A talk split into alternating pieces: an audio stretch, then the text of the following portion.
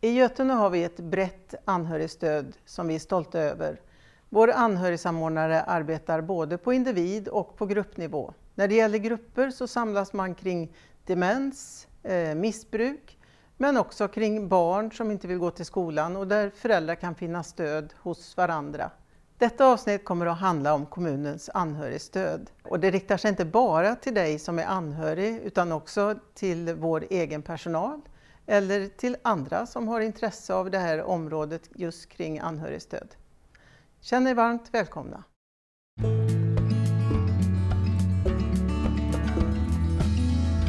När det handlar om missbruk och beroende så hamnar ofta fokus på den som har problem eller utmaningar i sitt liv. Man glömmer ibland de anhöriga som ofta har det väldigt tufft och som måste tänka på hur den ska agera, om man ska göra mycket eller lite. Då behöver man hjälp och stöd. Och i Götene kommun så finns det hjälp och stödet att tillgå.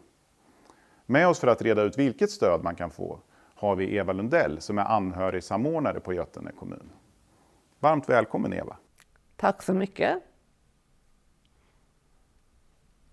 Ger du stöd och hjälp åt någon närstående?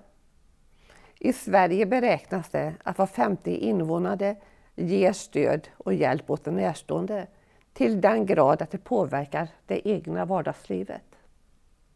Det betyder egentligen att det är många av er som tittar på den här serien som anhöriga.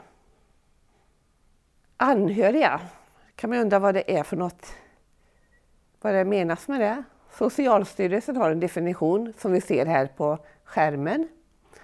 Anhöriga är den som ger omsorg, vård och stöd. Och närstående är den som tar emot omsorg, vård och stöd. En anhörig kan vara en make, maka, partner, barn, föräldrar, syskon, vän eller granne.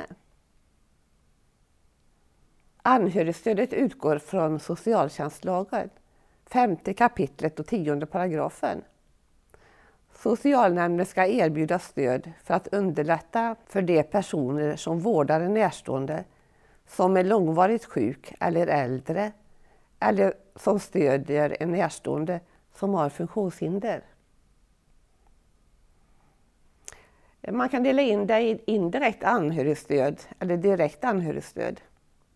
Indirekt anhörigstöd är riktat till närstående och det kan vara den som alltså har någon sjukdom eller någon funktionshinder. När man riktar stödet till den, då innebär det också att den anhörige får avlastning. Det kan vara i form av hemvård, dagverksamhet, växelvård, boendestöd, kortis, daglig verksamhet med mera. Och direkt anhörigstöd, det är det som riktar sig direkt till den anhörige. Det kan vara anhörigsamtal, stödsamtal, anhöriggrupper, må bra-aktiviteter, föreläsningar, praktisk hjälp med mera. Just det som en anhörig behöver. Det kan vara individuellt. Alla har ju olika situationer och jag som anhörigsamordnare brukar fråga vad vill just du ha hjälp med? Eller vad är det för stöd du behöver? Vi har exempel här på skärmen på olika slags stöd och hjälp. Det finns stöd för dig över 65. Det kan vara avlastning som jag har nämnt tidigare. Växelvård. Och I Götene kommun har vi 10 timmar gratis avlösning. Det betyder att det, det kan komma en hemtjänstpersonal hem och hjälpa din närstående så att du kan gå på frissan eller ut och handla eller bara vara för dig själv en tid. Sen finns det hemvård, olika hemvårdsinsatser. Sen finns det stöd för dig som har barn med funktionshinder. Det kan ju vara ett avlastningshem, avlösarservice för dig som har barn med funktionshinder hemma. Då kommer en avlösare hem till dig och passar barnet när du behöver komma hemifrån. Korttidshem eller extra familj. Samtalsstöd är det som jag till största delen jobbar med. Det är att du som anhörig kan få stöd i ett enskilt samtal under kortare eller längre tid. Och då lyssnar anhörigsamordnaren på din berättelse. Oftast blir man hjälpt genom att man får berätta sin historia. När man hör sina egna ord och formulerar sin berättelse då brukar många säga att de ser det klarare och eh, ser kanske vad de behöver hjälp med. Och du kan boka samtal genom att ringa anhörigsamordnaren på telefonnumret som är på skärmen som är 0511 38 62 74.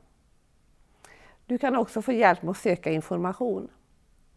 Du kan få stöd och vägledning i din situation.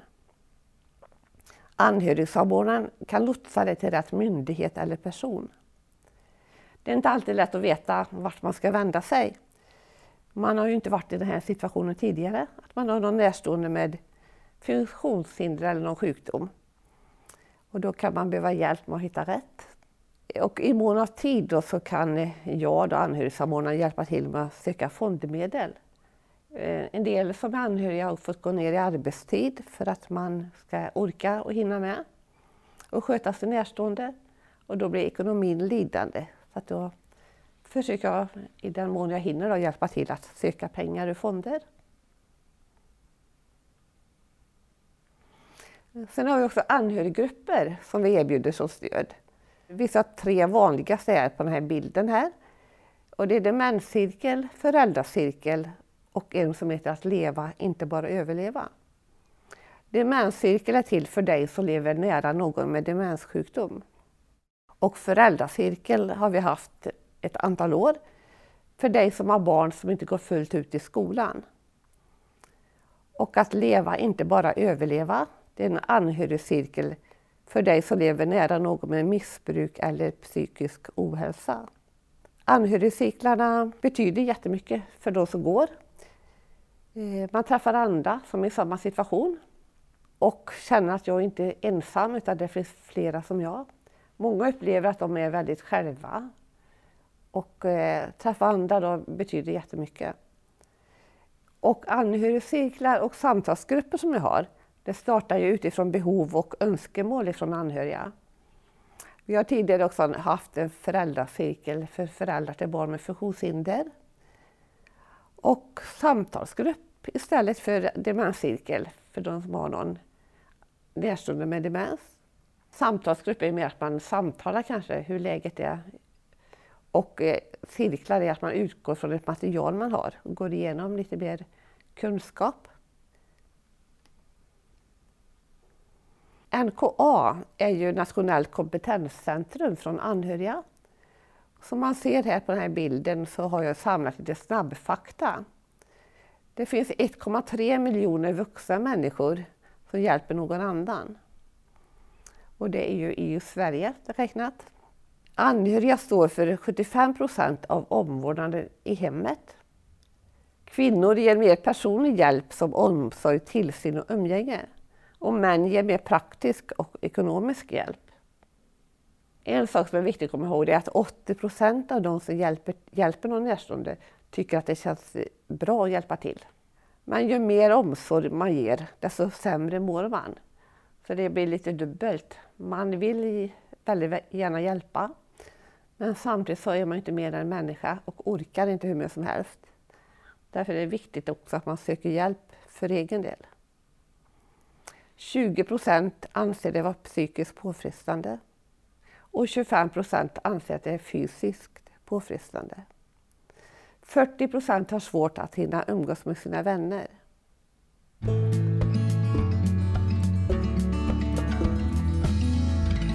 Tack så jättemycket Eva. Det var otroligt mycket fakta och information på en gång här. Vi får se om vi kan beta av det här lite grann. Om du går tillbaka till sliden innan här, det var ju massa spännande fakta här precis på slutet. Här. Det var framförallt en sak som jag eh, fastnade på, det var den här som kom här tror jag. Ju mer omsorg man ger, desto sämre mår man. Det låter konstigt tycker jag. Jag tycker ofta när man hjälper andra att man mår bättre. Hur, hur, hur kommer det sig att man kan må sämre av det? Eh, du kan ju tänka dig att du är eh, 84 år. Din fru har demens. Hon är vaken på nätterna. Och du har hjälpt, det har ju växt, kommit successivt och du har hjälpt till mer och mer och mer.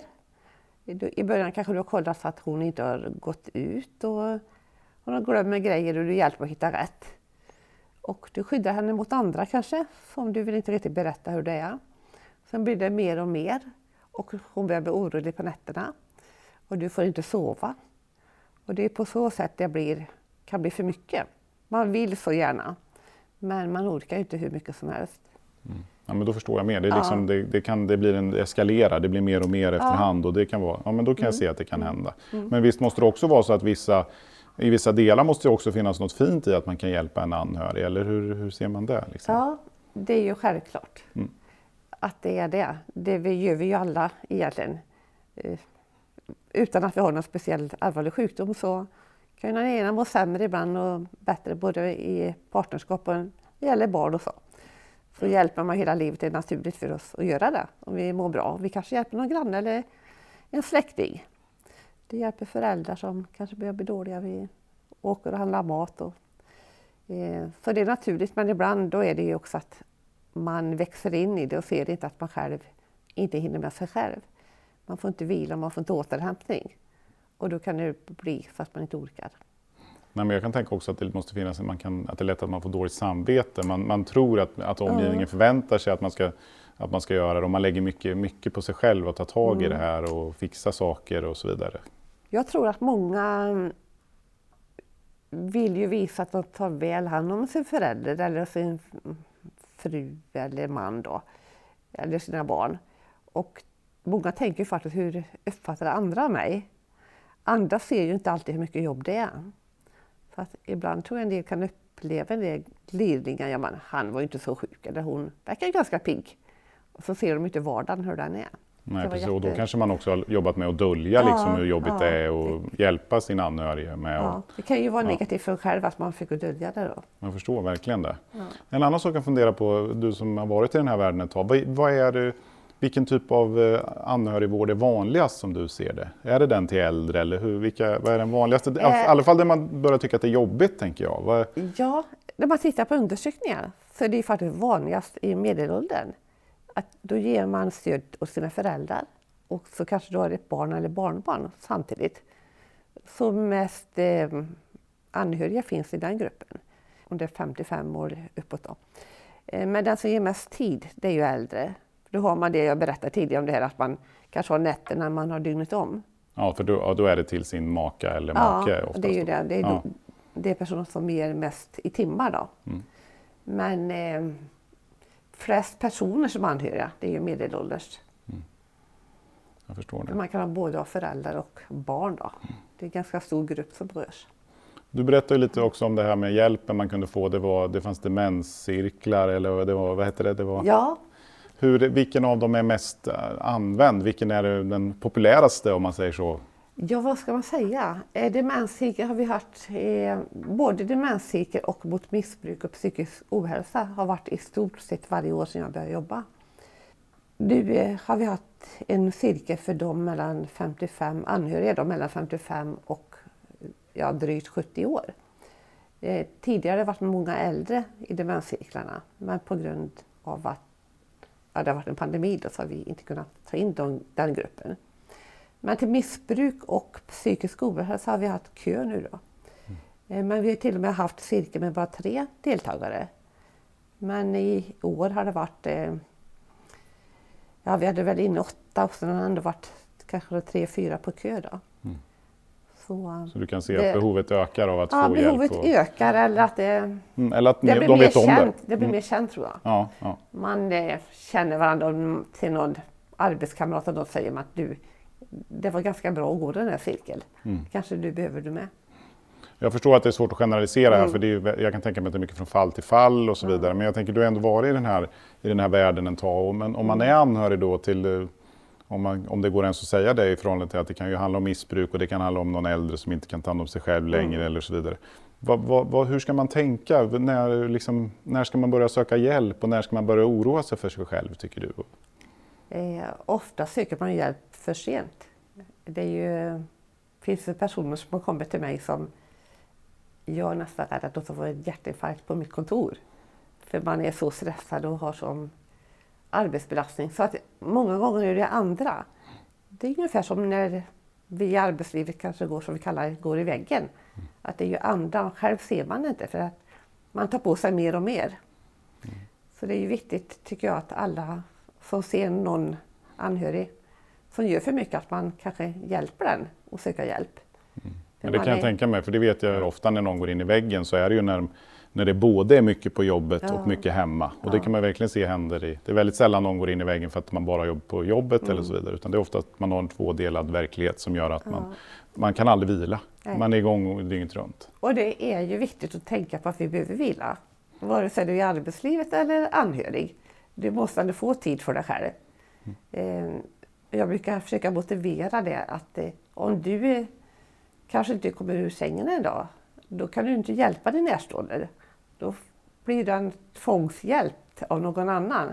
Och det brukar inte någon vilja, vilja egentligen. Därför är det bättre att söka hjälp i tid och få någon att resonera med. Och det kanske inte behöver vara så omfattande hjälp utan bara lite stöd. Så, att det, mm. eh, så man ska inte vara rädd för att kolla vad det finns. Nej, precis. Mm. Och apropå det, men vad tycker du är första steget? Du, du visar telefonnummer där, är det, är det det första man ska göra? Ringa? Ja, eller hur? man kan ringa mig. Ja. Eh, sen kan jag ha ett samtal med personer som ringer. Det kan ju hända många gånger om det gäller äldre personer, kanske man behöver lite hemvård. Och då kan jag ringa upp en biståndshandläggare som kontaktar dem då. Så slipper de själva leta reda på telefonen och så. Eller som förälder, jag kan följa med på möten. Mm. För att som förälder kan man ju vara väldigt trött och inte... Man kanske går på möten med BUP och med olika, olika då. Mm. Och habilitering och så vidare. Och sen kommer man inte ihåg vad som sades på mötet. Mm. Det kan ju vara med som extra öron. Ja. Utan att lägga mig i. Nej, och sen känner ju du till gången och ordningen antar jag, så du kan hjälpa dem rätt. För jag kan hjälpa till på många olika sätt. Mm. Därför är det jättebra att bara samtala lite om vilket stöd som passar just mm, den situationen som är. Tack så jättemycket Eva. Då har vi fått massor av bra information och lärt oss om hur Götene kommun jobbar med stöd och hjälp till anhöriga. Tack så jättemycket för mm. det. Nu har det också blivit så att nu ska vi få träffa en anhörig som har, som har fått hjälp av Götene kommun på olika sätt. Så att, eh, ja, helt enkelt har det blivit dags att välkomna Martina in i studion.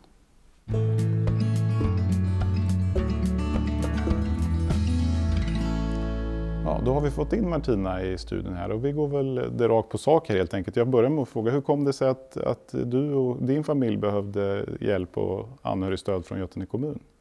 Ja, det var så att min pappa eh, blev sjuk och fick eh, diagnosen Parkinson eh, 2014.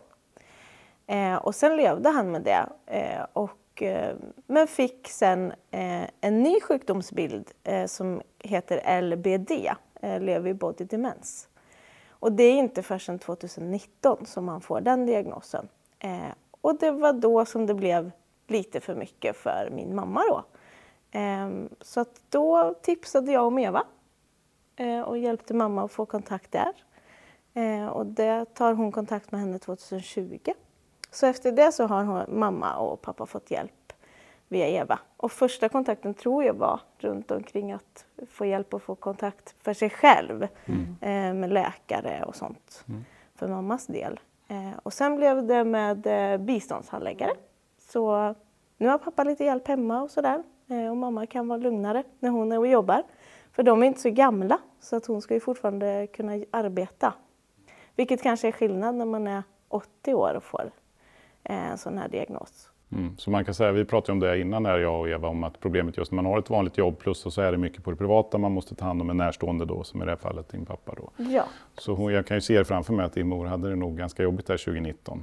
Ja, absolut. Och det var ju många av oss nära som såg. Mm. Eh, men hon själv kanske inte riktigt såg det. Men eh, med lite stöd och hjälp så hittade hon Eva mm. till slut. Ja. Om man tittar då, Eva, då kanske du kan berätta lite hur, eh, liksom, hur, hur, ett sånt här, när det kommer upp, när det kommer till dig, vad är det liksom, hur, hur går det här igång och hur hittar du rätt mix av stöd eller hur, var börjar man någonstans? Eh, det börjar egentligen med att personer som kommer till mig får berätta fritt och sin berättelse. Då väljer man ju det man vill berätta. Och det är inte förrän efter det jag, jag egentligen kan se vad man behöver för stöd.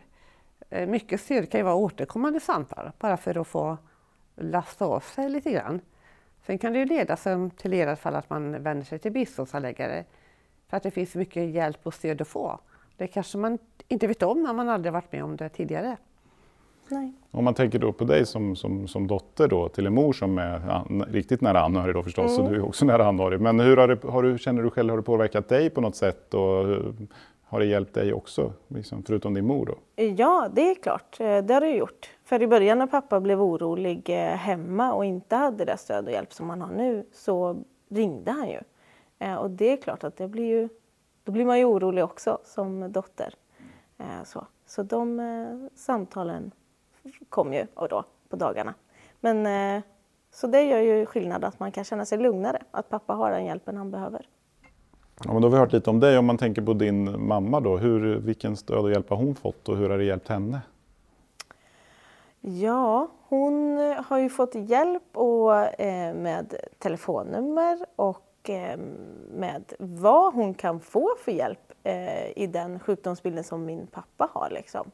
Eh, och det är ju inte sånt man kanske bara vet utan där behöver man lite hjälp eh, och hitta rätt. Eh, så det är väl det som hon har fått hjälp med där. Och du märker på henne då att hon har blivit lugnare och så, precis som du också, då, att de här samtalen inte kom på dagarna och sådär? Precis, absolut. Jo men hon är mycket lugnare och eh, orkar mycket mer framför allt. Skönt. Men då, det måste ju också då gynna din far tänker jag att alltså alla ni som är runt om honom som är anhöriga har kanske mer energi nu och liksom finns där för honom på ett annat sätt? Ja, precis. Absolut. Jo men det gör vi. Eh, försöker att finnas där sen för honom. Mm. Men eh, om man tar några exempel på, liksom, jag tänker just från Götene kommun då, om vi pratar mer om det, på, på, på själva stödet som sådant. Eva berättade lite hur det började och sådär. Och sen hur, hur fortsätter det över tid? Liksom, har man uppföljningssamtal eller hur fungerar det liksom under en längre tid? Det är väl egentligen mest du Eva som kan svara på det kanske? Eh, när det gäller hjälpen som din pappa får, då är det uppföljning på det från biståndshandläggare. Eh, men nu när ni pratar kommer jag att tänka på att eh, den bästa hjälpen en anhörig kan få när man har tittat på undersökningar, det är ju då att ens närstående får hjälp. Det är nummer ett i det stödet man vill ha. För då kan man slappna av när man vet att ens närstående får hjälp och stöd. Mm. Så det är nummer ett i det man vill ha. Men annars vet jag att din mamma också gått anhörigcirkel. Eh, och det är ju också steg två då kanske efter man har pratat och fått hjälp från närstående. Att man får träffa andra som har liknande bekymmer. För det är ju många. Det är ju var femte svensk är ju anhörig. Så att man behöver inte känna sig ensam egentligen. Nej. Även om det kan variera. Det är klart det gör mellan personer vad det är för bekymmer man har. Då. Precis. Tack så jättemycket för alla de här svaren och för de här diskussionerna och Eva, det här som du gick igenom innan för allting som finns med stöd och hjälp. Och tack så jättemycket Martina för att du kom hit och berättade lite om er historia. Eh, och med det är det dags att avsluta det här avsnittet som då handlade om anhörigstöd. Men håll koll för det kommer ju som sagt mer avsnitt i den här utbildningsserien från Götene kommun.